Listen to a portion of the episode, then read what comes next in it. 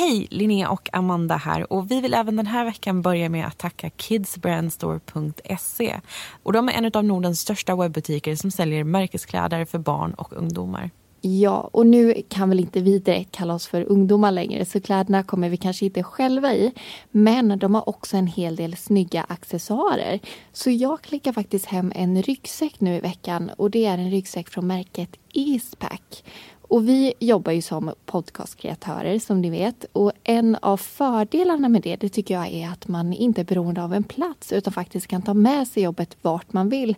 Men det innebär också en hel del konkande av grejer. Så då behöver jag en väska och varför inte en ryggsäck tänker jag då. För det är ju väldigt funktionellt och den här väskan är dessutom väldigt stilren och snygg tycker jag. Och jag kommer som sagt använda den i jobbet men jag kan tänka mig att den också är en väldigt bra skolväska. Och ett stort plus det måste jag säga var att jag fick hem den väldigt, väldigt snabbt. Ja, och Kids Brand Store de har ju bara en till tre dagars leveranstid och det är ju toppen. Och glöm inte att hashtagga dina bilder på Instagram med brandmeup18 för chansen att vinna ett presentkort hos dem för 3 000 kronor. Och kom ihåg att du behöver också ett öppet Instagramkonto.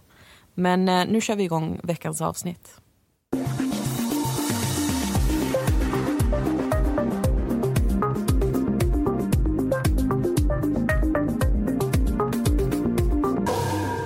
Den 20 maj 1998 är en skolklass på utflykt i närheten av Dalälven. En 12-årig pojke gör där en fasansfull upptäckt. I en kanal ser han hur en manskropp ligger och flyter. Polis kallas till platsen och inser snart att det rör sig om ett mord. Kroppen är illa tilltygad och de många skadorna går inte att förklara med tiden i vattnet. Förmodligen har den legat där i ungefär två veckor och är i ett framskridet skede av förruttnelse. Men frågorna som nu söker ett svar är vad som hände med honom innan, vem som tagit hans liv och varför.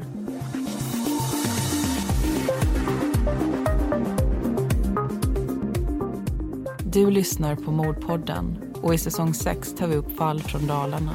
I veckans avsnitt ska du få höra berättelsen om Dalsjömordet.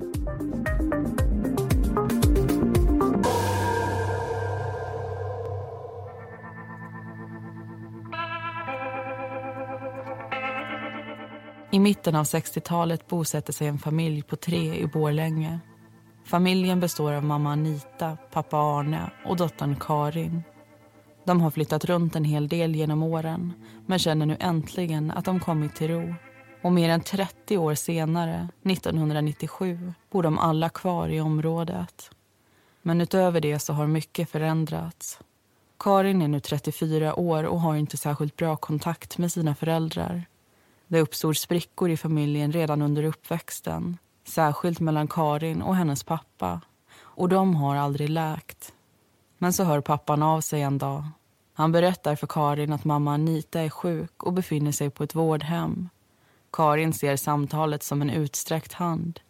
Ett tecken på att pappan vill försonas. Och hon tar den. Den trassliga kontakten mellan de två börjar med det långsamt nystas upp. De träffas och umgås mer och mer samtidigt som mamman blir allt sämre. I oktober samma år går Anita bort. Lägenheten som hon och Arne bott i tillsammans tillfaller honom. Men hennes tillhörigheter och ekonomiska tillgångar får Karin. Sammanlagt rör det sig om cirka 685 000 kronor. Under hösten är Karin tillsammans med en man som heter Mikael. De har tidigare varit gifta med varandra men är nu skilda. De har dock fortsatt att träffas efter det och har en relation som är av och på. Karin har en tanke om att de i framtiden ska köpa hus tillsammans. Det är en dröm hon haft länge. Hus och ett lugnare liv. Men innan de hinner komma till skott gör de slut. Kort därpå får Karin kontakt med en gammal vän. Vännen heter Per-Erik och är 42 år. De har känt varandra sedan Karin var i tonåren och umgåtts till och från sedan dess. När de återtar kontakten har Per-Erik precis avtjänat ett fängelsestraff för trafikbrott. De pratar om allting som har skett sedan de sist sågs och veckorna springer iväg. Vänskap blir till kärlek och den 17 april 1998 förlovar de sig. Fyra dagar senare går ett husköp i lås. Karin hade efter uppbrottet med Mikael fortsatt att leta bostad själv och nu har hon funnit ett. En gård i det lilla samhället Dalsjö utanför Borlänge. Men det är mer än bara ett boningshus och en tomt. Det är ett nyförlovat pars första hem. Tisdagen den 28 april har Per-Erik kontakt med Karins pappa. Arne undrar då om paret inte kan komma förbi på ett besök. Per-Erik tackar ja och en stund senare hoppar han och Karin in i en taxi och åker till pappans lägenhet i stan. Klockan 13.42 ringer de till en vän som heter Gert och undrar om han kan skjutsa dem till den kyrkogård där Karins mamma ligger begravd. Gert dyker upp med sin bil vid lägenheten och in hoppar Arne, Karin, Per-Erik och deras vän Bertil. De kör en runda på stan och sen vidare till graven. Pappan lämnar därifrån sig en bukett blommor. Sen åker alla vidare till gården i Dalsjö. Det är inflyttningsklart och de har nycklarna i handen. Gården består av ett boningshus och en intilliggande jordkällare. Mitt emot entrén ute på tomten finns en syrenberså. Det vill säga ett litet grönrum med sittmöbler i mitten och omgivet av syrenbuskar. På gården finns också en mindre byggnad som innehåller förråd, vedbord och utedass. Samt en manskapsbord, en flyttbar barack med två rum som bland annat innehåller en säng. När sällskapet anländer till gården är det i syrenbersån de slår sig ner. Gert åker vidare medan de andra pratar och tar sig ett par öl. Efter en stund reser sig Arne och Bertil upp och går runt och tittar på tomten. Pappan har pratat med Karin om att sätta upp en friggebod någonstans så att han i framtiden kan flytta in hos henne. Något som hon gett klartecken till. De fortsätter att dricka och umgås in på kvällen och runt halv sju kommer Gert tillbaka. Utomhus är det då tomt och han går upp till boningshuset. Innanför dörren finns en hall och rakt fram ett kök. Till vänster om det ett kaminrum och till höger ett altanrum. Han hittar Karin, Per-Erik och Bertil i kaminrummet. Bertil har druckit starksprit och ligger och sover på golvet. Han byter några ord med paret och får reda på att Arne tagit en taxi in till stan.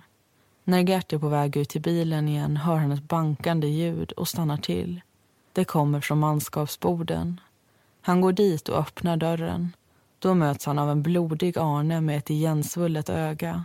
Gert frågar vad det är som har hänt och Arne förklarar att han fått sig en smäll. Den 65-åriga mannen är berusad och Gert går omedelbart tillbaka in i boningshuset för att prata med Karin och Per-Erik. Han säger åt dem att Arne inte alls tagit någon taxi därifrån utan sitter blodig ute i den kalla manskapsborden. Per-Erik går ut för att se hur allt står till och kommer sen tillbaka med en förklaring. Någon hade tydligen hoppat på Arne då han kommit ner till brevlådorna. Gert är redo att erbjuda honom skjuts till lasarettet men Per-Erik säger att han ska ta hand om det och Gert ger sig av. Några timmar senare är Arne död.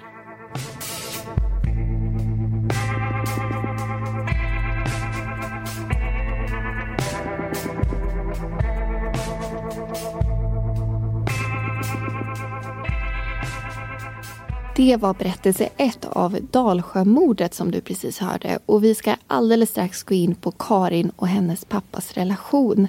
Närmare bestämt vad som hände mellan dem i uppväxten och som gjorde att föräldrarna faktiskt förlorade kontakten med sin dotter. Men först så ska vi prata om miljön som det här fallet utspelar sig i. Och med det så menar vi det faktum att det här mordet det sker i en missbrukarkrets. Karin, Per-Erik, Bertil och Arne de har ju alla problem med alkoholen och de dricker periodvis väldigt mycket. Och även vänner och bekanta till dem de är i de flesta fall i liknande situationer. Och vad betyder då det här för själva fallet? Jo, men det betyder att den tillvaro vi beskriver kantas av en hel del alkohol såklart, men även av våld. Och i stora drag så har vittnesmålen varit ganska röriga att gå igenom. Människorna som den här händelsen berör beskriver olika händelseförlopp och har också svårt att komma ihåg vissa händelser helt och hållet. Mm. Och tidsuppfattningen den är ju också lite olika. En eh, person kan ju berätta att de har varit på en fest i Hedemora en torsdag och en fredag medan någon annan säger att den här festen var över på fredagen. Och det här gör ju att man nästan får gissa sig fram till vilket som är troligast. Och vi har ju valt att gå mycket på åklagarens linje i det här fallet men vi har ju också tagit med sånt som andra har lagt fram som vi ändå känner tillför någonting. Men eh, anledningen till att vi tar upp det här överhuvudtaget är för att ni som lyssnar ska förstå hur det här urvalet har gått till. Och vi lovade också att vi skulle ta upp relationen mellan Karin och hennes pappa, så det tycker jag att vi gör nu. Mm. Enligt Karin så var förhållandet mellan henne och föräldrarna inte så värst bra när hon växte upp. Värst var det med pappa Arne. Han ville bestämma allting och kontrollera allt som hon gjorde. Och det, ja, men det kanske kan tyckas som ganska normalt beteende hos föräldrar, just att man vill ja, men ha kontroll över sina barn, veta vad de gör. Men, eh, men det här, eller det som inte var normalt ska jag säga, i det här fallet, det var bestraffningen. Gjorde Karin inte som hon blev tillsagd så kunde han slå henne. Och när hon var 11 år så började pappan också utnyttja henne sexuellt. Mm. Och det här det pågick ju enligt Karin fram tills hon blev 16 år, alltså minst under fem års tid. Och hennes vänner de fick till slut reda på det här och även mamman fick reda på det. Karin anmälde dessutom sin pappa och eh, polisen de inledde en utredning gällande händelserna. Och I den utredningen så började man också misstänka att Arne hade utnyttjat en annan flicka. Men eh, det hela slutade ju faktiskt med att Arne inte dömdes för något av fallen. Nej, och när den här informationen kommer upp genom dagens fall så är brottet preskriberat. Så man lägger aldrig någon fokus på att reda ut Arners skuld eller oskuld i det hela. Men man ger Karins utlåtande ganska mycket utrymme och tingsrätten verkar inte heller tvivla på att det har skett. Därför väljer vi också att ta med det som en del i det här avsnittet. Och när man hör det här så kanske man också kan börja undra kring Karins beslut som vi hörde om i berättelse 1 dels att återta den här, återuppta den här kontakten med Arne men också att gå med på att resa upp en friggebod på gården i Dalsjö så att pappan senare skulle kunna komma och flytta in hos henne. Och som Karin förklarade så finns det fortfarande en hel del bitterhet och hat inom henne mot just pappan. Men hon känner också att hon är en vuxen kvinna nu och att hon har sambon Per-Erik gör att hon inte kommer behöva bo där ute ensam med pappan. Mm. Och sist men inte minst vill vi prata om Bertil. Den här vännen som är med Karin och Per-Erik ut till Dalsjö. Och vid den här tidpunkten så är han 54 år. Han har känt Karin i ungefär sex års tid och han träffade Per-Erik första gången för cirka 4-5 år sedan. Och anledningen till att han är med dem så mycket, eller kommer vara det i alla fall i de kommande berättelserna, det beror på att han har precis blivit av med sitt boende och helt enkelt får bo hos Karin och Per-Erik. Och med det sagt tycker jag att vi hoppar in i berättelsen där vi pausade förut. Det vill säga dagen efter den här festkvällen i Dalsjö.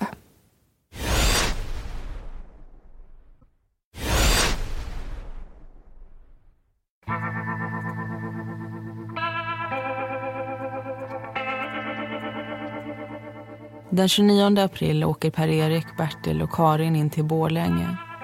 De hämtar upp Per-Eriks katter går på systemet och tar ut pengar från en automat. Pengarna är till Gert. Han har ett gäng möbler han vill bli av med och huset i Dalsjö är i stora drag oinrett. Gert tar emot sedlarna och fraktar ut möblerna i en hästtransport. Några vänner och bekanta kommer med ut till Dalsjö och tillsammans hjälps de åt med att damma och städa innan soffor och bord bärs in. En av de bekanta lägger märke till blodstänk vid handfatet i badrummet. Det ser också ut som blod på golvet i altanrummets ena hörn men det är så smutsigt att det är svårt att avgöra. På torsdagen är det valborgsmässoafton och mitt på dagen spelas hög musik från gården i Dalsjö. Ett grannpar störs av ljuden och bestämmer sig för att avnjuta lite kaffe och fika på en äng på andra sidan huset. När de kommer tillbaka ser de eldslågor i det torra fjolårsgräset i sin hage. De skyndar dit och ropar också på hjälp. Bertil dyker upp med en kratta i händerna och försöker med den och fötterna kväva elden. Till slut lyckas han. Grannparet tackar honom för insatsen medvetna om att branden snabbt kunnat sprida sig och i värsta fall tagit båda husen med sig. Branden har orsakats av en raket och grannparet vet vilka som skjutit upp den. De går fram till Karin och Per-Erik som sitter i sirenbersån och inte ser ut att ha ett enda bekymmer i världen. De blir bannade för både branden och den höga musiken. Paret lovar att inte avfyra några fler fyrverkerier och grannparet går hem till sitt. Efter det bestämmer sig sällskapet för att lämna Dalsjö ett par dagar. De far in till stan tillsammans med Gert och går på systemet. Sen skjutsar Gert ut dem till Bertils stuga utanför Bålänge. Det går inte att köra hela vägen fram och de ställer bilen och går i omgångar med packningen till stugan. I samma veva norpar någon åt sig ölen de köpt och det blir därför en kväll utan dricka. Istället grillar de korv och skjuter upp de resterande raketerna. Under fredagen åker Karins exman Mikael ut till gården i Dalsjö. Han knackar på men får inget svar. Samma dag lämnar sällskapet stugan och beger sig till Arnes lägenhet i Borlänge. De kommande dagarna ringer telefonen och flera som stöter ihop med sällskapet frågar vart Arne är. Orsa blir svaret. Några dagar in i maj tittar Per-Erik på bilannonser. Han tycker att det är dags för honom och Karin att köpa sig en egen bil nu när de bor ute på vischan. Men först har de något annat inplanerat. Den 6 maj gifter sig Karin och Per-Erik under en liten och intim ceremoni. Och dagen därpå köper de en bil och åker på bröllopsresa tillsammans med Bertil och Gert som agerat vittnen. De kör till Stockholm och letar därefter hotell. Men de får inte tag i något och kör vidare till Gävle där de övernattar. Två dagar senare, den 8 maj, åker de hem igen. Gert släpps av in i stan och sällskapet på tre fortsätter ut till Dalsjö. De stannar bara en kort stund och kör sedan vidare till en camping där de hyr två stugor. Det nygifta paret tar den ena och Bertil den andra. Men innan kvällen är över har ett bråk uppstått mellan Per-Erik och Bertil. Ett bråk som slutar med att Per-Erik ger sig på Bertil med sparkar och slag. Därefter håller de två männen mer av ett avstånd mellan sig. Den 20 maj är en skolklass på utflykt vid Dalälven norr om Borlänge. De befinner sig intill en kanal som går mellan älven och Bysjön. I närheten finns också en virkesterminal.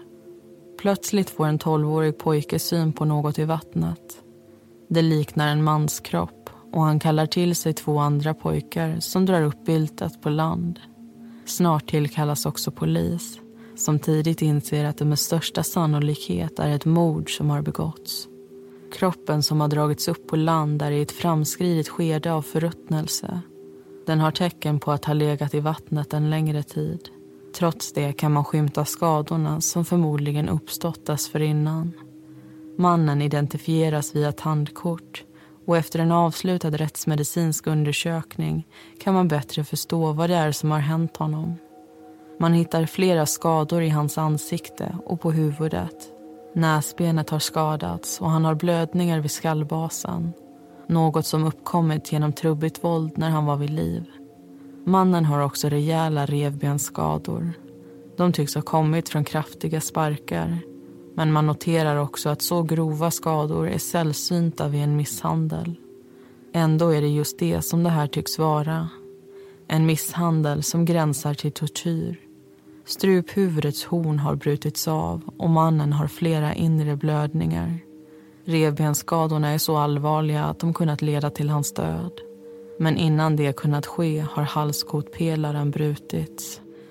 Polisen inleder en utredning för att få svar på de många frågor som snurrar i deras huvud. De kartlägger Arnes närmaste omgivning och börjar snart rikta in sig på sällskapet i Dalsjö. Efter att tillräckligt många spår pekar i den riktningen får de beslut om att avlyssna Per-Eriks telefon. På midsommarafton pratar han med en bekant och säger att Karin dragit iväg. Han berättar att det blivit bråk hemma i Dalsjö och att han sopat till en av Karins vänner. Efter det hade de allesammans dragit därifrån och lämnat Per-Erik ensam kvar. Per-Erik tar också upp en annan sak. Han säger att han nog kommer åka i fängelse snart minst i tio år. När personen undrar varför berättar Per-Erik att han slagit ihjäl en person. Närmare bestämt Karins pappa. Under midsommarhelgen är Karin och Per-Erik på samma fest. Då händer det igen. Per-Erik berättar att han slagit ihjäl Arne. Fler If you thought the only way to get a more defined jawline with natural looking results was through surgery, think again. Juvederm Volux XC is a non surgical injectable gel filler that improves moderate to severe loss of jawline definition and can help you achieve natural looking results with little downtime. Even better, this improved definition lasts up to one year with optimal treatment. No maintenance required. Improve jawline definition for a smooth, sculpted look with Juvederm Volux XC. For important safety information and to find a licensed specialist, visit juvederm.com. That's J U V E D E R M.com. Not for people with severe allergic reactions, allergies to lidocaine, or the proteins used in Juvederm. Common side effects include injection site redness, swelling, pain, tenderness, firmness, lumps, bumps, bruising, discoloration, or itching. There's a risk of unintentional injection into a blood vessel, which can cause vision abnormalities, blindness, stroke, temporary scabs, or scarring. Talk to a licensed specialist to find out if it's right for you. personer hör det som sägs, men tar det för fyllesnack. Alla är berusade och just då tänker ingen mer på det. Den 29 juni grips Bertil och dagen därpå även Karin och Per-Erik. Man gör en brottsplatsundersökning på gården i Dalsjö. En söndrig kabel och en bucklig stekpanna tas i beslag. Man upptäcker också blodspår från Arne i manskapsborden, altanrummet och i jordkällaren. En bild om en utdragen och ohygglig misshandel börjar växa fram och de är alla tre misstänkta.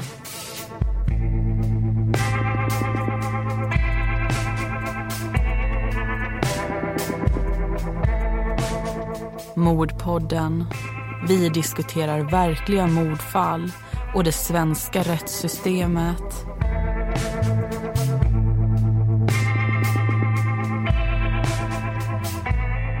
Där dyker vi in i diskussion två. Vi vet nu att Arne blivit mördad och att alla bevis pekar mot Per-Erik, Bertil och Karin.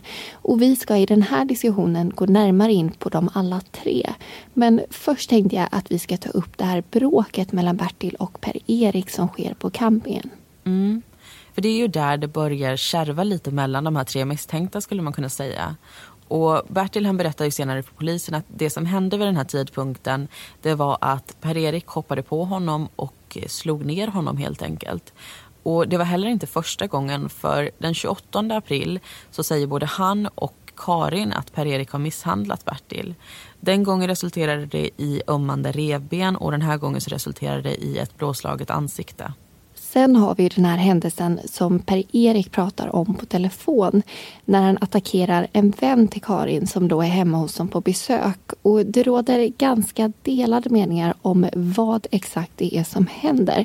Per-Erik säger att han dragit till vännen med en gren i huvudet medan vännen å andra sidan då säger att han tryckt en käpp i bröstet på honom. I vilket fall som helst så leder det till att Karin sticker ifrån Dalsjö ett par dagar och sover hos vänner. Och enligt en vän till Karin så blir ju hon rädd för Per-Erik efter det här. Men enligt Karin själv så åker hon bort för att hon vill få lite lugn och ro och hon vill slippa festandet ett tag. Och när Karin pratar om relationen med Per-Erik så verkar det ju som att de har det bra, att de inte har några större problem i alla fall. Lite smågnabb här och där men inte att han har varit elak mot henne. Och Det är intressant att du tar upp just deras relation för den påminner mig så mycket om relationen mellan Lena och Torbjörn i sambomordet som vi tog upp för bara någon vecka sedan. Och när man läser utomståendes vittnesmål om just Karin och Per-Erik så låter det nämligen så här. Per-Erik har alltid varit svartsjuk på Karin. Han har alltid varit efter henne och följt med henne även då hon gått på toaletten. Ja, jag förstår verkligen att du ser likheter i det här. Och Det intressanta med de här vittnesmålen tycker jag är att det är tre personer som säger nästintill samma sak om just det här förhållandet. Att de alltid var nära varandra, att de höll hand och att Per-Erik följde med Karin in på toaletten, precis som du sa. Men till skillnad från sambomordet så verkar ju Per-Erik inte ha varit våldsam mot just Karin. Och om vi fortsätter spinna vidare på just de här tre personerna så tycker jag att vi ska ta upp två punkter till dels hur de är när de dricker men också tidigare kriminalitet. Och börjar vi med det förstnämnda så får vi ganska snabbt reda på att Per-Erik har en tendens att bli aggressiv när han dricker alkohol. Medan Bertil har ett rykte som sjusovare så fort han druckit. Och flera personer intygar att han brukar dricka mest av alla men att det inte gör honom arg utan helt enkelt så, så somnar han för att han, han blir väldigt trött. Och vad gäller Karin så vet vi inte så mycket om hur hennes humör är när hon dricker för det sägs det inte så mycket om i den här domen. Och kollar man i hennes belastningsregister så är det ju faktiskt tomt där till skillnad från Bertils och Per-Eriks. Bertil förekommer under 14 avsnitt och det rör sig då en hel del om så kallade förmögenhetsbrott. Och förmögenhetsbrott det kan vara allt ifrån stöld till häleri och förskingring med mera. Men eh, senast som Bertil dömdes det var ju 1989, alltså nästan tio år innan den här händelsen. Och sist men inte minst har vi Per-Eriks belastningsregister. Han förekommer under nio avsnitt och där blandas förmögenhetsbrott med våldsbrott. Och som vi hörde i första berättelsen så dömdes han senast för trafikbrott och kom då ut 12 december 1997. Och vi har ju en sista sak som vi ska ta upp innan vi återgår till berättelsen. Och det är pengar. Efter att de här tre har plockats in till förhör så börjar man undra kring motivet till det här brottet. Och en aspekt som man undersöker det är om man har varit ute efter Arnes arv. Och anledningen till att det här kommer på tals det är dels för att man hittar hans bankbok i Karins plånbok. Men vi ska också tillägga att vid det här tillfället så har ingenting tagits ut från hans konto.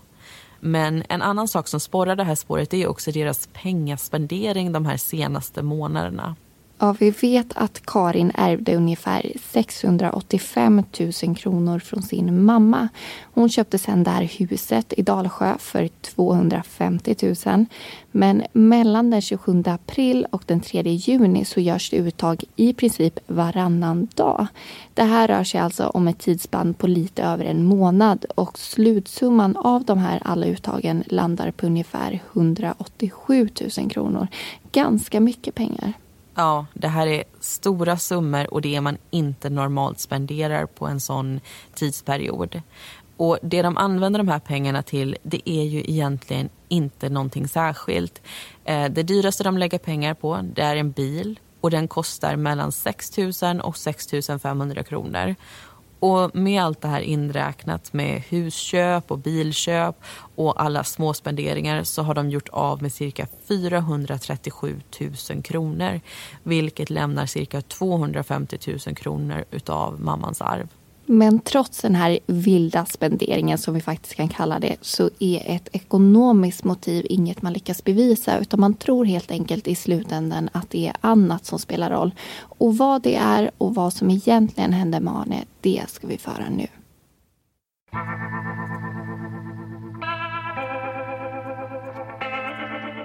När de tre misstänkta fått återge sina berättelser av vad som hände den 28 april så stämmer vittnesmålen inte överens.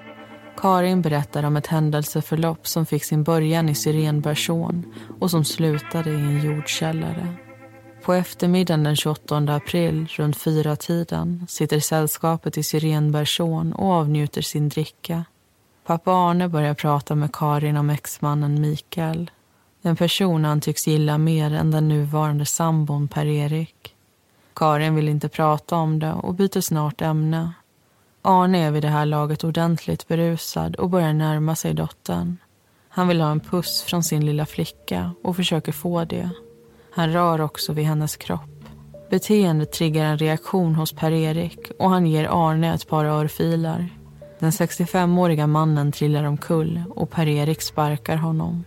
Det blöder från hans näsa och det har börjat svullna runt ena ögat. Pappan är oredlig och Per-Erik och Bertil hjälper honom in i manskapsborden.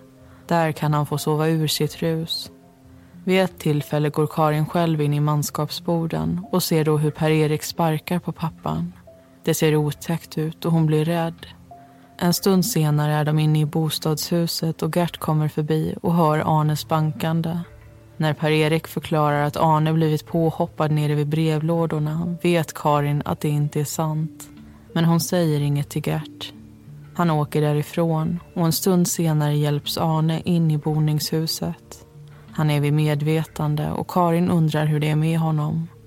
Han ser inte värre ut än han gjorde då han gick in i manskapsboden.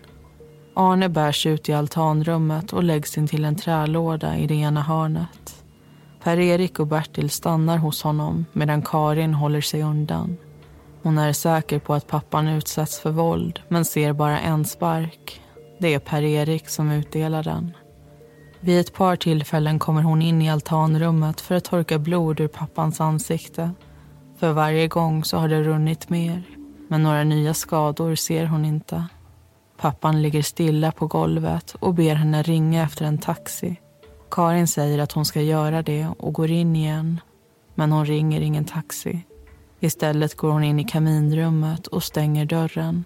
Hon har på hög musik och hör ingenting av det som försiggår utanför. Hon känner sig maktlös och vågar varken ringa eller gå efter hjälp. Hon stannar i rummet hela natten. Timmar passerar och Per-Erik kommer vid två tillfällen in till henne. Ena gången är det med en stekpanna i handen. Handtaget har gått av och den är bucklad i botten. Nästa gång har han med sig en kabel och säger att hennes pappa har tjurnacke. Ingen av gångerna förstår hon att det är verktyg som används i misshandeln av hennes pappa. Efter ett tag hör hon släpljud och dörrar som smäller. Sen blir det tyst. Hon går då ut i altanrummet och ser en blodfläck på golvet samt stänk på väggen. När Per-Erik och Bertil kommer in i huset igen är deras händer blodiga. De tvättar av sig och hon frågar inga frågor. Dagen därpå städar de huset och manskapsborden. De bränner kablar och trasor och kastar den söndriga stekpannan i ett sopkärl. Karin förstår att pappan är död och går samma dag ner i jordkällaren där han ligger orörlig. Hon lämnar en ros och stänger sedan in honom i mörkret. Karins berättelse innehåller flera detaljer som får polis och åklagare att sätta tilltro till den. Men vissa delar av det hon säger har de svårare att tro på. Genom förhören ändrar hon flera av sina uppgifter. Ena gången har hon hört hur Arne misshandlats ute i manskapsboden och nästa gång säger hon att det inte alls har skett. Hon säger också att Bertil var med ute i altanrummet men det finns en del som tyder på att det inte är sant. Bland annat avsaknaden av teknisk bevisning och Bertils egna berättelse. När de befinner sig i Syrenbergsån så är Bertil ordentligt berusad. Förutom ett antal öl så har han också fått i sig en hel flaska med sprit. Han börjar bli trött och funderar på att gå och lägga sig. Han och Arne går in i kaminrummet i boningshuset och ser på nyheterna. Efter ett tag kommer Per-Erik in och ger Arne ett par örfilar. Runt femtiden på eftermiddagen somnar Bertil och nästa gång han vaknar är klockan närmare nio. Han går upp och ser Karin i köket. Per-Erik och Arne syns inte till. Bertil går då ut och blir påhoppad av Per-Erik. Han förstår inte varför och har efteråt ont i revbenen. Bertil går därefter tillbaka in i kaminrummet och får sällskap av Karin. Var Per-Erik befinner sig vet och bryr han sig inte om. Bertil somnar igen och den här gången är sömnen oavbruten till 8-9 tiden morgonen därpå. Det är kallt när han vaknar och han bygger upp en brasa i kaminen. Per-Erik kommer vid ett tillfälle in och slänger några trasor i lågorna. Bertil frågar vart Arne är och får Orsa till svar. Karin och Bertils vittnesmål knyter an på ett par ställen. Men där Karin säger sig ha förstått vad som hänt den kvällen menar Bertil att han var helt ovetandes. Det som saknas är Per-Eriks version och snart är det just den som polisen får. När Arne pussat sin dotter vid Sirenbergsån får han skäll av samtliga i sällskapet. Men för Per-Erik så är det inte nog. Både han och Bertil vet vad Arne utsatt Karin för då hon var ung och det är ingenting som han ska komma undan med nu. Per-Erik ger därför den 65-åriga mannen en örfil och Arne faller in i syrenbuskarna. Efteråt hjälper de honom upp och in i manskapsborden. Själva går de in i huset. Efter Gerts besök hämtas Arne in i altanrummet. Han är blodig om näsan och de får stötta honom för att han inte ska trilla då han fortfarande är berusad. De lägger honom vid en trälåda i rummets ena hörn och går in i kaminrummet och fortsätter festa. Vid några tillfällen går Karin ifrån för att torka blod från pappans ansikte. Och sen går Bertil och Per-Erik ut för att tillsammans misshandla Arne. Per-Erik slår honom med knutna nävar fem, sex gånger och Bertil drar till honom med en stekpanna. Därefter drar Per-Erik sig undan medan Bertil fortsätter att sparka på Arne. Han och Karin hör dunsar av och på under en timme. De säger till Bertil att det räcker nu, men han är inte klar. Istället lindar Bertil en kabel runt Arnes hals och drar åt. Kabeln går av. Någon gång efter midnatt bär Bertil och Per-Erik ner Arne i jordkällaren. Framför ingången är det en djup grop och Arne tippas huvudstupan ner i den. Vid tillfället vet varken Per-Erik eller Bertil om Arne lever. Men enligt uttalanden från sakkunniga så är det troligt att det är just detta skede som Arnes halskotpelare bryts. Efter det har han förmodligen inte levt i mer än tio minuter. Arne dras in i byggnaden och de två männen stänger dörren och går in för att tvätta sig om händerna. De städar och lämnar Dalsjö dagen därpå. Det är för obehagligt att ha Arnes kropp så pass nära. Efter bröllopet och resan till Stockholm och Gävle är de tillbaka i Dalsjö för att se att Arne ligger kvar. Bilen de köpt har delvis inhandlats för att göra sig av med kroppen. Och natten till den 9 maj är det just det som de gör. Per-Erik och Bertil lämnar Karin vid stugorna på campingen och beger sig till Dalsjö. Där tar de hjälp av ett par startkablar för att häva upp Arnes kropp ur gropen framför jordkällaren. Flera gånger går det åt skogen. En kabel brister och Bertil kör in i ett stuprör vid husfasaden. Men så lyckas de få in kroppen i bagageutrymmet och kör mot en virkesterminal där de dumpar den över ett räcke och ner i en kanal. Med allas vittnesmål i hand väljer åklagaren att åtala. Ännu en gång får de berätta sin historia kring det som hänt. Då Karin pekar ut sin man som huvudansvarig skiftar stämningen. Och dag två av huvudförhandlingen så ändrar Per-Erik delar av sitt vittnesmål. Han beskriver bland annat två gånger då Karin varit en aktiv deltagare i pappans misshandel. Bland annat ska hon ha hoppat på hans bröst. Men då man undersöker möjligheten så framkommer det inte som särskilt troligt. Det man slutligen kommer fram till är att Per-Erik är den som har misshandlat och mördat Arne. Att Bertil hjälpt Arne till och från manskapsborden anser man som troligt. Men att han skulle ha varit delaktig i misshandeln och mordet tror man inte på. Trots Karins vittnesmål till motsatsen så menar man att hon bara berättar detaljerat och sanningsenligt vad gäller Per-Eriks involvering i våldet. Ovanpå det finns vittnesmål efter vittnesmål som talar om Per-Eriks dåliga ölsinne och Bertils eviga trötthet. Man undersöker möjligheten att Per-Erik själv burit ner Arnes kropp i jordkällaren och att han vid ett senare tillfälle ensam fraktat kroppen från Dalsjö till virkesterminalen. Plötsligt förstår man klumpigheterna. Att kroppen försökt hävas upp i bagageutrymmet men misslyckats. Hur bilen slirat och åkt in i ett stuprör. Om de vore två så hade det varit enklare. De hade kunnat lyfta in kroppen direkt.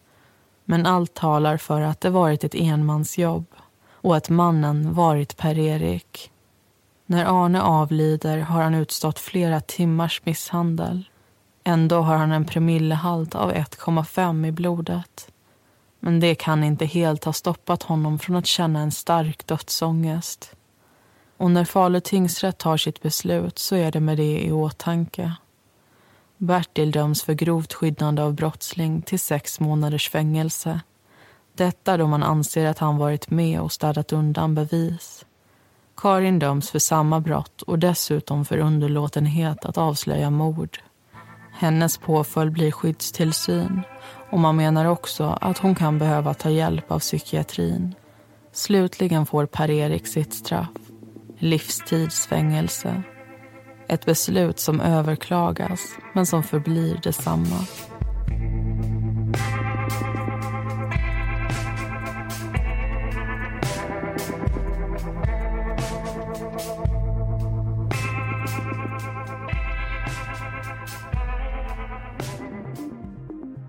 Det var allting som vi hade att berätta om Dalsjömordet. Samtliga personer heter egentligen någonting annat och informationen är hämtad ifrån tingsrättsdomen och artiklar från Dala-Demokraten och Aftonbladet. Nästa vecka tar vi upp Heden. Var med oss då.